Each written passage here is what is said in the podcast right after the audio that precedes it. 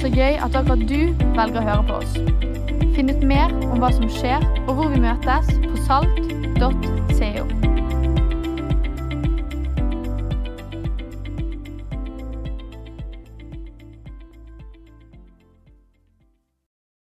Fint. Jeg håper du fikk med deg alle de datoene der. Det er veldig mye som skjer eh, i kirkelyden her nå. Det blir boller nå etterpå. Eh, Det ble solgt 102 boller i dag formiddag.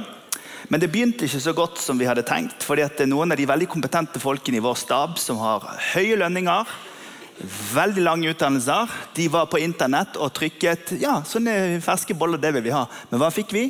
Bolledeig. Så i dag morges så har det altså blitt, blitt steikt masse boller her i kirken. eh, Og, eh, og vi er veldig glad for at vi fikk det til. Så altså, av hensyn til de og Daniel, som da trodde det var fastelavn, eh, så bare ordner vi med, med det i dag. Eh, dere vi er inne i denne serien eh, Friheten i Kristus.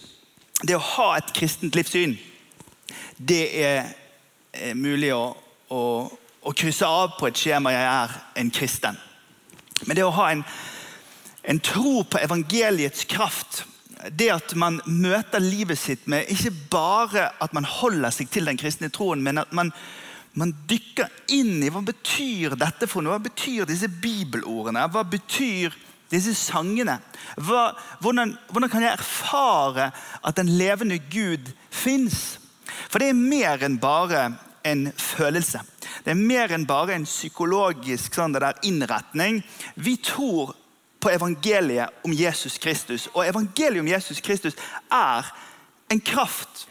Og Det er ikke alltid i livene våre at vi erfarer det. Derfor er temaet vårt i dag hvordan kan vi bli fri fra fortidens grep. Det er det jeg skal snakke om i dag. Fordi at Fortiden, det vi, det vi har erfart i livet vårt så langt, det vi har selv forårsaket. Og det som har skjedd med oss, det gjør at det settes spor i følelseslivet vårt. Det settes spor i eh, tankemønstrene våre, i vanene våre. Og det som jeg ønsker å gjøre i løpet av de neste minuttene, det er å hjelpe oss å se hvordan vi kan få lov til å få på plass den riktige informasjonen. For når vi får på plass den riktige informasjonen, så begynner vi også å tenke og tro i den retningen. Så faktisk, og jeg tror at det som skal skje i kveld, er at mange her skal få bli løst fra greier. Og Om du ikke opplever at det liksom er helt eh, på plass, så skal du derfor få lov til å skimte et glimt av at det fins en mulighet, en vei til frihet. I i forhold til vaner, følelser, tankemønstre, ting som har kontroll over livet ditt. Og eh, Jeg har stor respekt for alle som er i dette rommet og alle som hører på denne podkasten. Jeg skal ikke være in your face, for å si det sånn, men jeg ønsker å vise en vei. Det var en eh, mann som dro fra Oslo til Spania. Konen var på jobbreise og planla å dra ned og treffe han noen dager etterpå. Når han landet, så sendte han e-post for å fortelle konen at han hadde landet, men han sendte det til feil adresse. E-posten kom til en kvinne som akkurat hadde mistet sin mann i en tragisk ulykke og dødd. Og hun fikk e-posten, og hun skrek høyt og besvimte når hun leste det som sto der. Datteren kom løpende inn, åpnet opp innboksen, og der sto det 'Kjære, gode kone'. Jeg har akkurat sjekket inn. Alt er klart til din ankomst i morgen. Ser fram til å møte deg igjen. PS. Det er veldig varmt her nede. Vi skal jo ikke tulle for mye med sånne ting. Men feil informasjon kan skape feil reaksjon. Og I løpet av de neste minuttene så rydder vi, folkens. Michelangelo han har malt dette bildet av Jeremia i taket på det 16. kapell. Jeremia er kalt den gråtende profeten. Og Når du ser på dette bildet, så ser du hvordan han luter seg fremover. Ser dere det? Skuldrene er fremover. Han er tynget av det folket som han har forsøkt å veilede gjennom 40 år som profet. og De bare hørte ikke på han. De valgte ikke Gud, de valgte bare sine egne veier. Du ser bare halve ansiktet hans, for han bare vender seg bort, og øynene er nesten lukket igjen. For han orker ikke å se mer det som er umulig. Og så ser du at eh, han holder seg for munnen sin som om han er ferdig å snakke. Og så er den gråtende profeten tom for tårene sine. Han var født i 627 før Kristus i Anatot, en liten landsby. Han var profet i over 40 år, helt fram til Guds folk som bodde i Juda-området, havnet i eksil i Babylon. Sjøl ble han bortført til Egypt og døde. Og Jeremia-boken står i Det gamle testamentet og er en tragedie. Det er en tragedie om en nasjon som går i oppløsning, om et folk som gikk fra å tro til å ha ingen tro. Og så havnet de i eksil. Og På mange måter så er denne oppløsningen, denne forvitringen, det som gjør at vi kan si at Jeremia er også en profet til vår tid. For vi lever også en tid av forvitring og oppløsning. Vi også lever i en tid som ligner mye på det som skjedde for 2500 år siden. Hvor Gud ikke har så veldig mye å si i hverdagen vår. Vi bruker pengene våre, og tiden vår energien vår på andre ting og møteplasser enn det som handler om Gud og den type ting. Jeremia var fortvilet. Han forsøkte å få dem til å huske Gud, leve med Gud, men de hørte ikke. Bibelen det er en levende bok. Og eh, Vi repeterer jo det i den kristne kirken at eh, det med Guds ord er viktig. Fordi at Guds ord er en bok som er annerledes enn alle andre bøker fordi den gir mat og næring til det indre mennesket. Det er som om Gud viser seg fram gjennom de bokstavene, de ordene som ligger der mellom de to permene. De kommer ut og gir en spesiell mening. En av mine favoritteologer heter Walter Brugman. Han, han, er, veldig, han er sånn spesialist på Det gamle testamentet. han, han sier at Guds ord ligger der mellom permene i stillhet. Men noen ganger så kommer de ut og så eksploderer de med mening i møte med leseren. Det er derfor vi sier at boken er levende. og vet du, Jeremia han har jeg vært med en stund nå i det siste, og jeg, jeg kjenner meg litt igjen i han. Jeg kjenner meg litt igjen i Jeremia, fordi at Jeremia han prøvde så hardt, men han fikk det ikke til. Og Noen ganger så, så var det så vanskelig for han å stå i jobben sin at han tenkte at Gud, Gud kan umulig like meg. Jeg ber til Gud, jeg forsøker å få Gud til å fikse ting.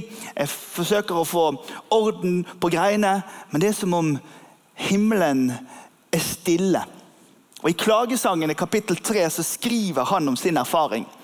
Jeg vet ikke om du har hatt det sånn i ditt liv at når du har levd, og du har tenkt, og du har hengt med venner, og du har gått på studier, og du har vært på jobben din og, og familierelasjoner, sånn, så er det akkurat som om liksom, nei, nå, nå, er det faktisk bare klage igjen i meg. Hør bare hva Jeremia sier. Jeg er en mann som har opplevd nød under staven han brukte i sinne. Han har ført meg, meg og latt meg gå i mørke og ikke i lys. Han har vendt hånden mot meg gang på gang uten stans. Han har knust knoklene mine, han har latt kjøtt og hud tæres bort. Han har bygd en mur mot meg, omringet meg med gift og motgang. På mørke steder lar han meg bo, lik de som døde for lenge siden. Han har murt meg inne, jeg kommer ikke ut. Han har gjort lenkene tunge. Han har sperret, eh, Selv når jeg skriker og roper om hjelp, stenger han bønnen min ute. Han har sperret veien med steinblokker og gjort stiene mine krokete. En bjørn ligger på lur, en løve i bakhold er han mot meg. Han har ført meg på villspor, revet meg i stykker og ødelagt meg. At det var vel dramatisk, tenker du kanskje. Men her er det en mann som fullstendig har mistet perspektivet. Gud er ikke sånn. Gud vender ikke knyttneven mot mennesker.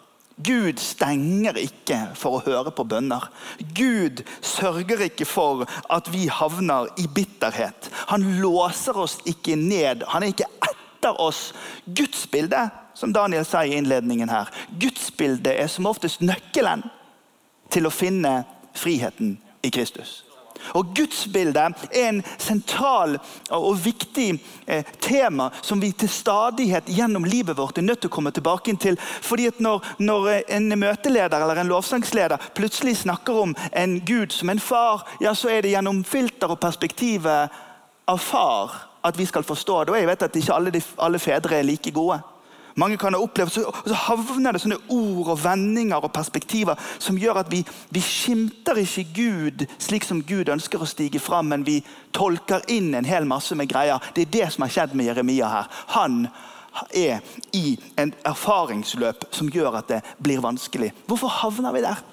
Hva er det med livene våre som gjør at vi havner der? I et så stort rom som dette, og med alle som hører på denne podkasten, er det like mange erfaringer som det er folk her. Fordi vi alle sammen har skyggesider, utfordringer, tankebygninger, forestillinger som gjør at eh, Gud ikke får stige helt fram for oss. For noen år tilbake så leste jeg en bok av en amerikansk psykolog om eh, det å forstå eh, det å være mann og det å streve med tunge tanker. Og Archibald Hart han skriver i boken sin om Goethe og Bismarck og Tolstoy og Churchill, som har vært der i livet sitt at selv om de var store og mektige ledere, så havnet de i perioder i livet sitt hvor det ble mørkt de ble depressive, de mistet perspektivet. Vår egen statsminister Kjell Magne Bondevik har fått veldig mye skryt i Norge fordi at han mens han var statsminister, tok en sykemelding og sa jeg har møtt veggen, jeg trenger å klarne blikket mitt. Hvorfor havner vi der? Spurgeon han sier det på denne måten. Det skjer når man ikke tar hensyn til seg selv.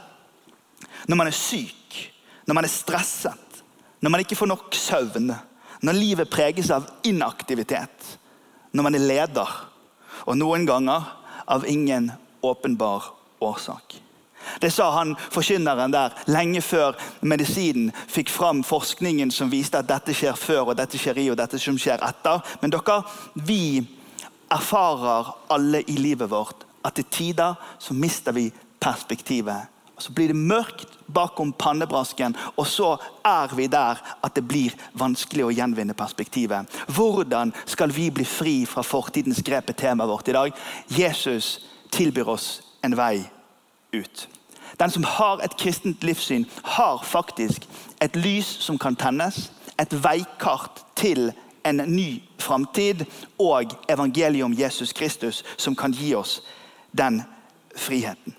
Vet du, han, eh, Jeremia der, han sitter i sin situasjon og opplever at det er så vanskelig. Men et stykke ut i kapittel 3 i klagesangene så vender det. Jeg vil at du skal se det som står fra vers, 20, eh, fra vers 19. Tenk på min nød og hjemløshet. De er som malurt og gift. Jeg tenker på det hele tiden. Min sjel er nedtrykt. Men én ting, og nå vender det dere. Og Hvis du tar en notat nå, eller bare får med deg dette verset, så tar du med deg denne her fra i dag, så er jeg veldig glad. Men én ting lenger meg på hjertet, og dette er det som gir meg håp.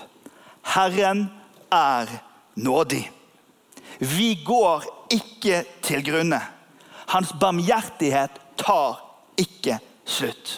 Den er ny hver en morgen. Din trofasthet er stor. Jeg sier, 'Herren er min del. Jeg setter mitt håp til ham'. Han skriver en klagesang, og i de første, i første versene så er alt mørkt. Men ingenting i hans omstendigheter endrer seg før han kommer til slutningen som vi leser akkurat nå. Det er ikke situasjonen hans som endrer seg, men det er gudsbildet hans som endrer seg. Det er ikke erfaringen hans som blir annerledes, men det er hva han tror, og hva han tenker, og hva han velger å finne sin stødighet i. Det er det, og det er grunnen til at vi har denne serien. For Jeg ville vært en dårlig forkynner og en dårlig lærer og en dårlig pastor om ikke jeg stadig ønsker å få menigheten inn i perspektivet av å se det fins mer til evangeliet om Jesus Kristus enn å holde det som et livssyn. Det fins en kraft her. Det fins et perspektiv, det fins en vei til å få oss frihet fra fortidens grep. Og det er avgjørende for oss å skjønne. Og Så skjer livet med oss. Vi hører en del på Jan Eggum hjemme. jeg innrømmer det, mye. Han har tjent veldig mye penger eh, på, på vår familie sin Spotify-liste. Og jeg og min sønn satt akkurat og spiste varm lunsj og hørte på Rykteforteller. Og snakket om den sangen. Rykteforteller. Dere, de av dere som ikke er bergensere her nå, det, dere plikter. Og, og, bare laste ned litt av han, for han er forrykende bra. Og så har han en sang som heter 'Mor, jeg vil tilbake'. Og så tenker jeg på min mor, så tenker jeg mor, jeg vil tilbake. Jeg skal ringe mor i bilen på vei hjem. etterpå, det ringer hun hver dag, men jeg skal ringe hun etterpå. Og så skal jeg si det at nå har jeg sagt til alle at mor, jeg vil tilbake. Det er så utrolig fint å være et lite barn.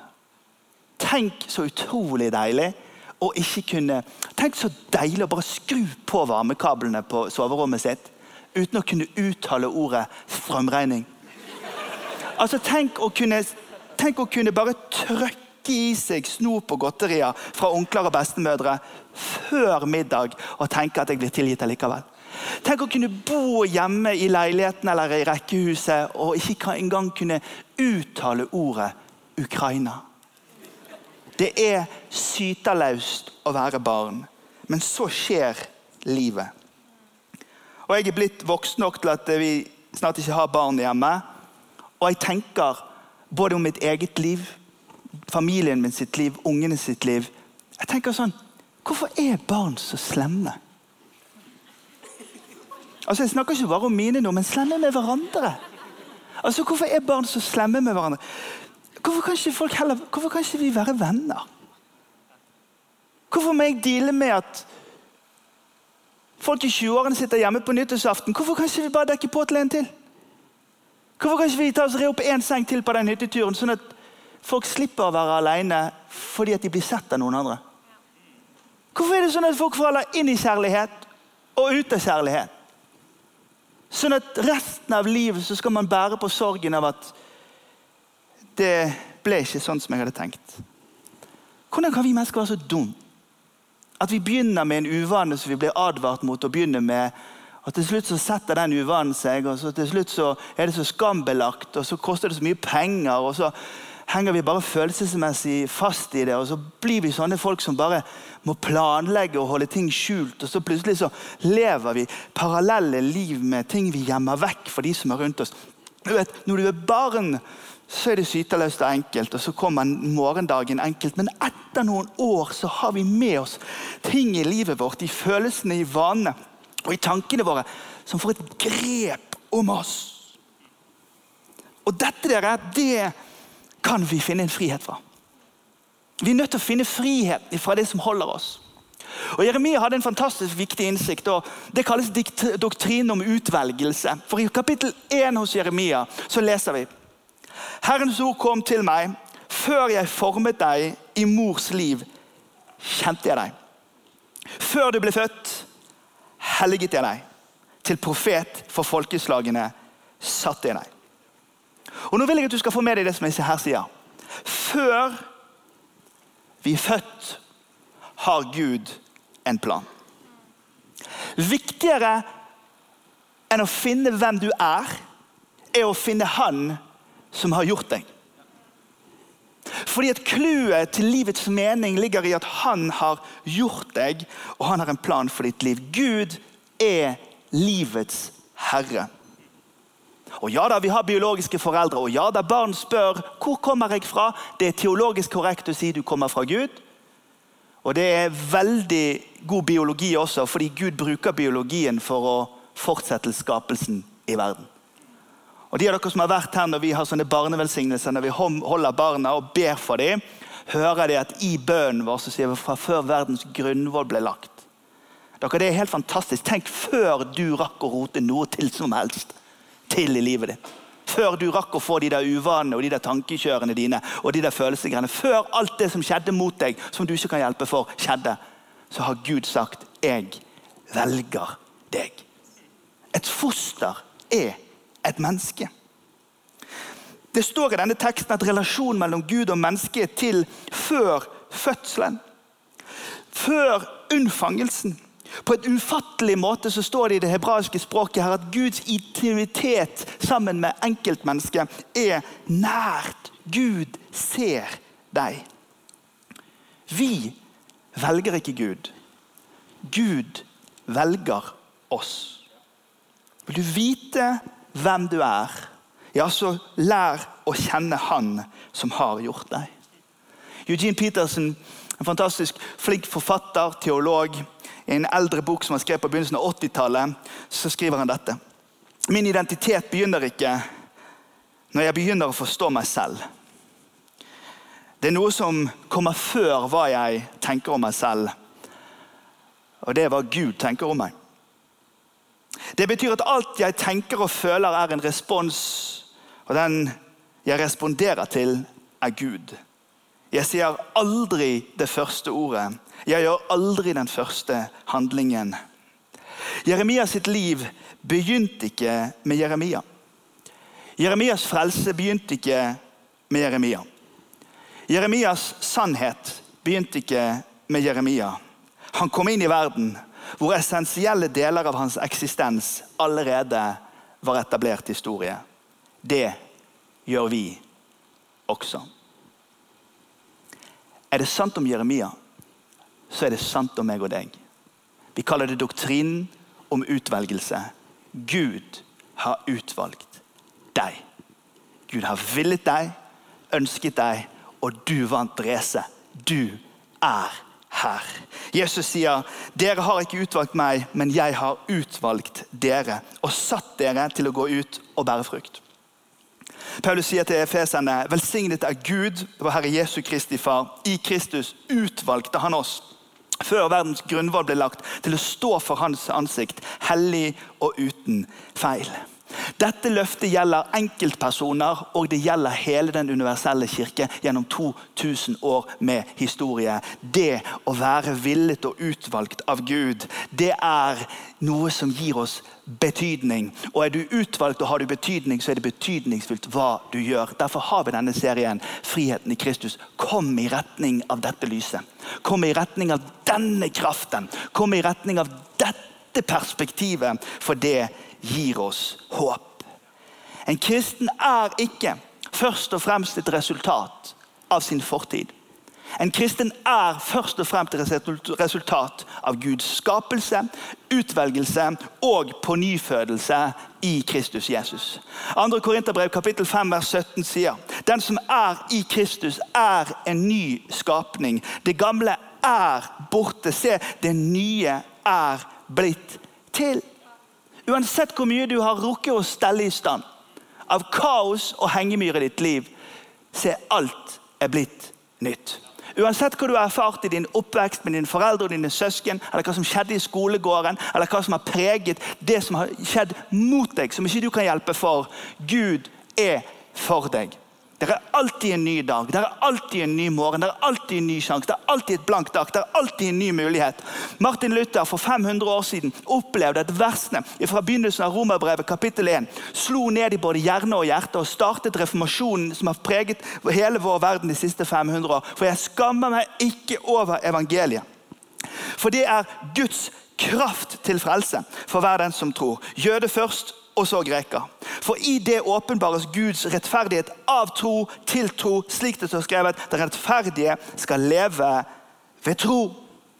Vi stiller spørsmål i dag. Hvordan skal jeg bli fri fra fortidens grep? Og her er svaret. Ved tro og tro på evangeliet om Jesus Kristus. Invitere Jesus Kristus inn i dine livssituasjoner, i dine perspektiver, i din håpløshet, i din sykdom, i dine konflikter, i din mangel, i din overflod, i din konkurranse, i din sjalusi, i din kjærlighetssorg, i din ensomhet. Inviter Jesus Kristus inn, fordi at det er Guds kraft til frelse. Det står 3600 løfter i Bibelen. Og I gamle dager så sang man en sang som sier at løftene kan ikke svikte. Fordi at Man hadde en teologisk forståelse av at grunnstødigheten i mitt trosliv handler om at jeg tror at Gud står for det han har lovet. Å lære seg å leve midt i den der arbeidsløsheten eller søknadsskriving eller, eller den der masterfinishen eller det der konflikten på jobben eller mangel på kjærlighet eller, eller forvirring eller spetakkel eller alt det som skjer i livet vårt. Det å stå stødig nok og bare vite det at ja, han har jo lovt at han er med meg. En dag dro Jesus ut på båttur med disiplene sine, og så sa han dette. La oss dra over til den andre siden, sa han.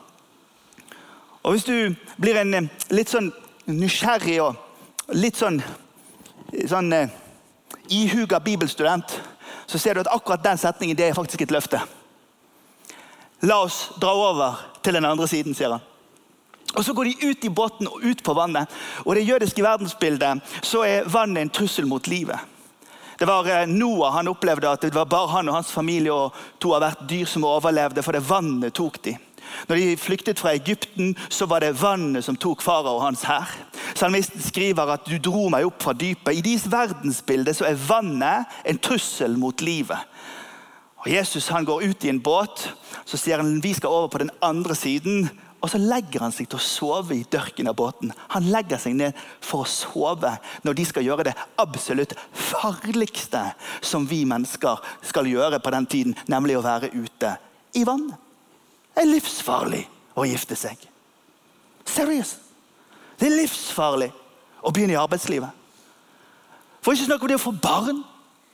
Oppdra barn. Betale regninger. Strømregninger. Vokser. Eller selge ungene ut på sykkel. De sier de tar på seg hjelm, men du vet at de har ikke hjelm på. Skøytedag på skolen livsfarlig. Ungene mine har aldri vært på skøytedag på skolen. Jeg har alltid skrevet melding. De får ikke lov til å gå på skøytedag. For jeg falt og slo tennene mine da jeg var liten. og siden Jeg hater skøyter. Jeg har aldri sett et kunstløp løpe i hele mitt liv. Jeg ber for dem når de gjør det der tullet. Hunder livsfarlig. Hater hunder. Jeg har arr etter en sånn hund som beit meg da jeg var liten. Sitter i hele kroppen min. Voff! Nei, men alt er, jo, alt er jo farlig. Men Jesus har sagt la oss legge over til den andre siden, og så begynner det å blåse. For dette, det blåser jo i samlivene. Det blåser jo i det der karrieregreiene. Det blåser jo i helsetingene. Det blåser jo inni her. Det blåser jo i konkurransen og i sammenligningen. Det, blå, det, det blåser hele tiden. Og disiplene til Jesus blir livredde. Men han sover. Så vekker de han, og så reiser Jesus seg opp. og Så sier han 'Skjer det?' sier han. 'Skjer det?' sier han. Og så sier de vi, vi, vi går under'. Og Der er jo deres bekjennelse. Han har lovt vi skal over. Men de forandrer det til 'vi går under'. Jeremia luter seg framover, lukker øynene, vender ansiktet bort, tom for tårer, holder seg for munnen. Fordi perspektivene bare forsvinner. Jeg pastor i over 20 år i denne byen, her, og jeg vet hvordan det henger sammen. Det kan skje med oss alle. Det bare skjer at omstendighetene og livet og bølgene og stormen tar oss. Men så reiser Jesus seg, og så byr han stormen og bølgene om å legge seg. Og så blir det blikk stille. Og så spør han, hvor er deres tro?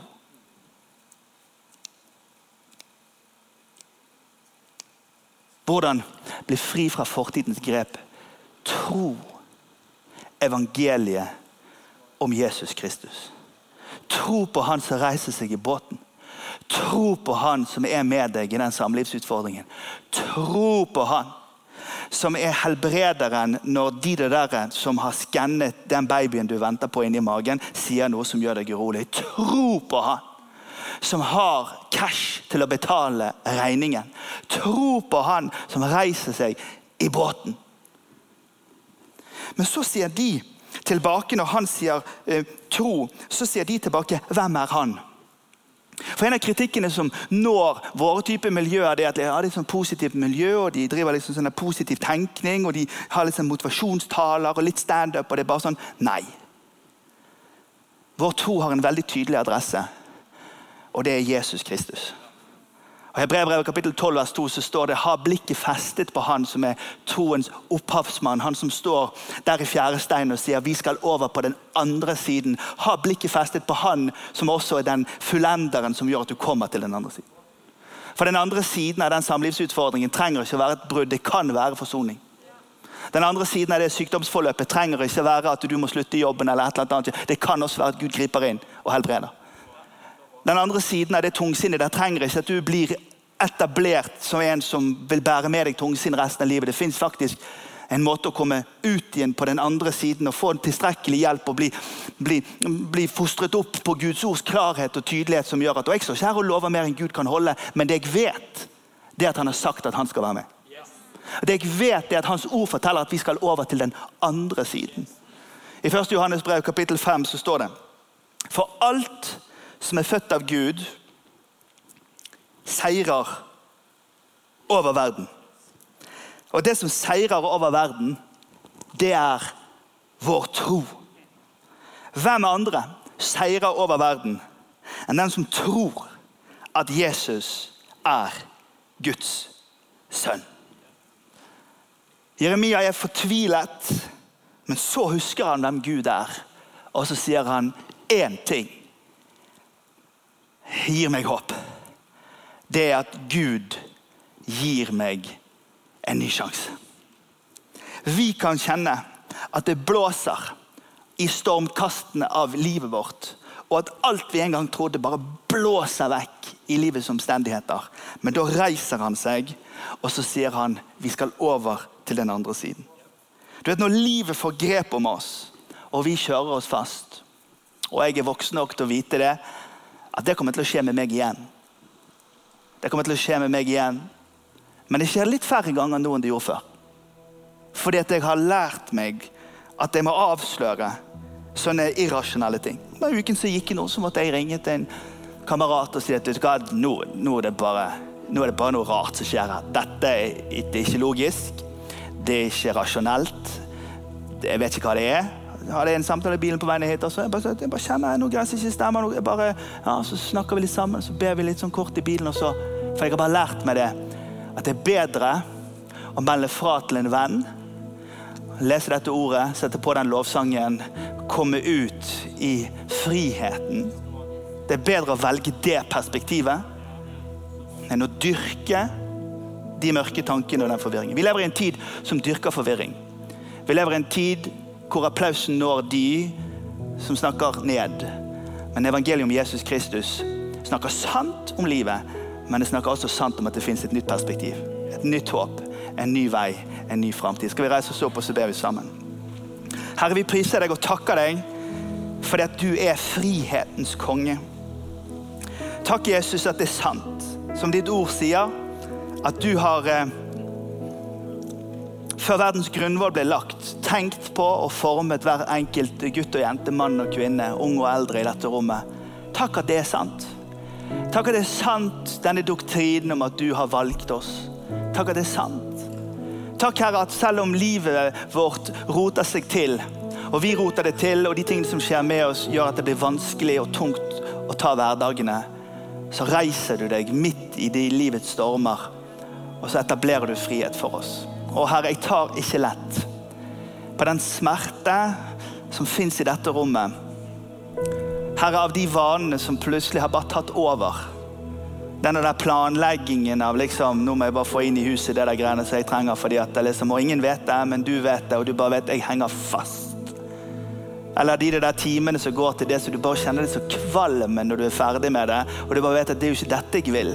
Det du vil, det får ikke du til, men det du ikke vil, det gjør du. Og du bare kjenner at dette Hvem skal sette meg fri fra dette, da? Eller du har havnet i de tankebanene som bare gjør at dette var jo jeg som gjorde. Hvordan kan Gud tilgi meg for dette? Dette er jo selvforskyldt, derfor som jeg løser problemet sjøl. Og så blir du, fastner du mer og mer i de situasjonene. Og nå tror jeg Den hellige ånd taler til folk i dette rommet. Jeg tror Den hellige ånd tar i ting. Han minner om ting. Og jeg vil at han skal bare få lov til å gjøre det. Så får du tenke på den situasjonen som du er i. Så får du tenke på det som Den hellige ånd minner deg om der du er. Og du som ikke er vant til sånn hellig ånd, og hva den snakker om, det er ikke mer enn at du får en innskytelse eller en tanke. Det er sånn han jobber. Så kan du få lov til å gi det til han. Nå Når vi synger ordet 'frihetens konge', nå, så kan du få lov til å bare Å, Jesus, jeg, jeg proklamerer din frihet i denne avhengigheten i mitt liv. Herre Jesus, jeg inviterer deg inn i dette, dette, disse tankebanene. Herre, gi meg, vær frihetens konge. La oss bare synge sammen, og så gjør vi det som en bekjennelse.